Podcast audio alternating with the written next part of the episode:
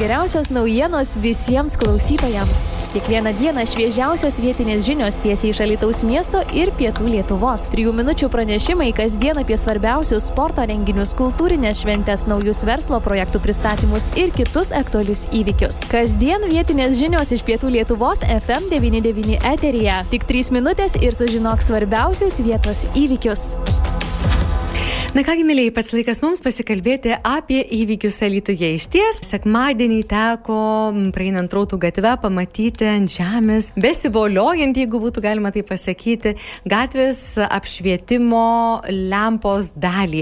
Tai visą tą o, viršų gaubtą su lempa ir kilo klausimas, kasgi čia atsitiko ir iš ties pasidalijus nuotraukomis su jumis FM99 Facebook paskyroje, tai tokių ir šmaikščių pasisakymų buvo ir klausimų, kad, na, kas čia atsitiko, ar čia naktį kažkas e, blogo buvo, ar vėlgi kokybė turbūt, kad e, kaip e, mūsų klausytoja vida rašo, jeigu šviesoforai per karščius neveikia, tai gal ir lempos nuo karščio tirpo, tirpo ir nukrito. Na, aišku, tokie su humoro gaidelė pasisakymai, tačiau iš ties kilo klausimų, jeigu taip jau tie gatvės apšvietimo įrenginiai nesaugus, jeigu jie tiesiog krenta, tai ar kokiam pėsčiajam einant šalia gatvį, jeigu ant galvos nukristų, ar automobiliui važiuojančiam pro šalį užkristų ant stogo, ant stiklo ar panašiai panašiai, kas tada būtų.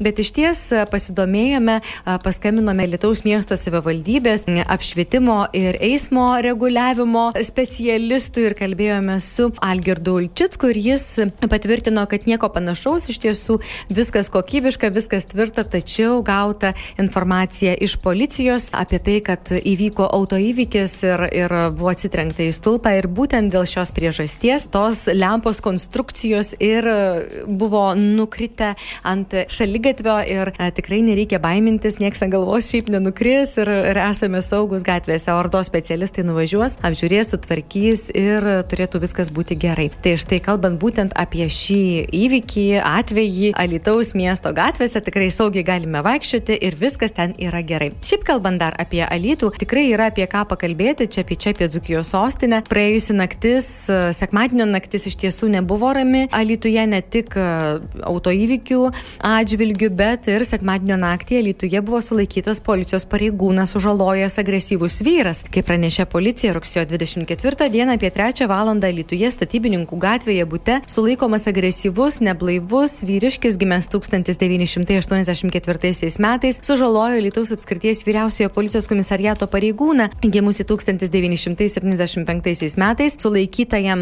buvo nustatyta 1,91 promilės girtumas girtumas. Pareigūnas, suteikus medicininę pagalbą, gydomas ambulatoriškai, paguldytas į ligoninę.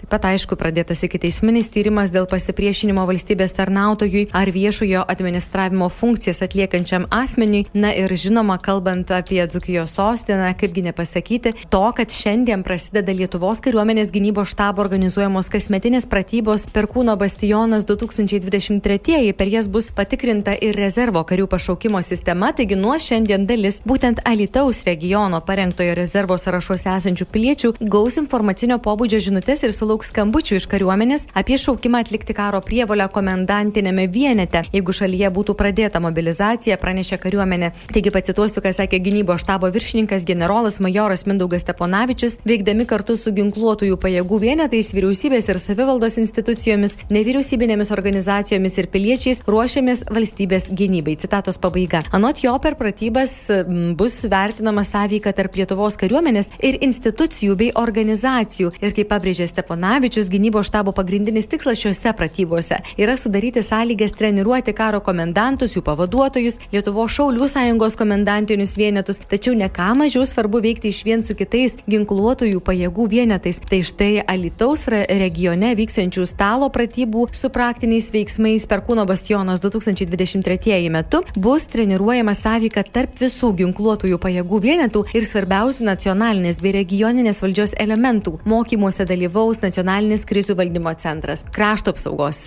vidaus reikalų, sveikatos apsaugos, energetikos, socialinės apsaugos ir darbo ministerijos, taip pat aštuonios pietų Lietuvos savivaldybės ir kitos institucijos. Ir štai pirmą kartą į šias pratybas integruota ir vidaus reikalų ministerijos pratybų dalis šventaragio stalas, kurių metu bus vertinamos institucijų valdymo procedūros, nepaprastosios padėties metu bei viešosios tvarkos komendantūrų ir institucijų operacijos centrų veiklos koordinacija. Taigi tikrai labai svarbus dalykai prasideda šiandien. Būtent mūsų pietų Lietuvos regione, būtent Zukijoje, būtent Alituje bus visa esmė, visas pagrindas. Kariuomenės teigimu šios pratybos yra unikali aplinka treniruotis, įvertinti ir aptarti institucijų gebėjimą reaguoti bei veikti krizių, nepaprastosios padėties, mobilizacijos ir karo atvejais. Be to yra suteikiama galimybė peržiūrėti teisinės bazės aktualumą, patobulinti informacijos kaitos procedūras, aišku, treniruoti įvairių lygių specialistus ir sprendimų prieimėjus krizių valdymo specifikos. Na ir pratybos šios vyks nuo šiandienos iki penktadienio rugsėjo 29 dienos. Daugiau informacijos mūsų svetainėje fm99.lt, YouTube ir podcast platformose bei socialiniuose tinkluose.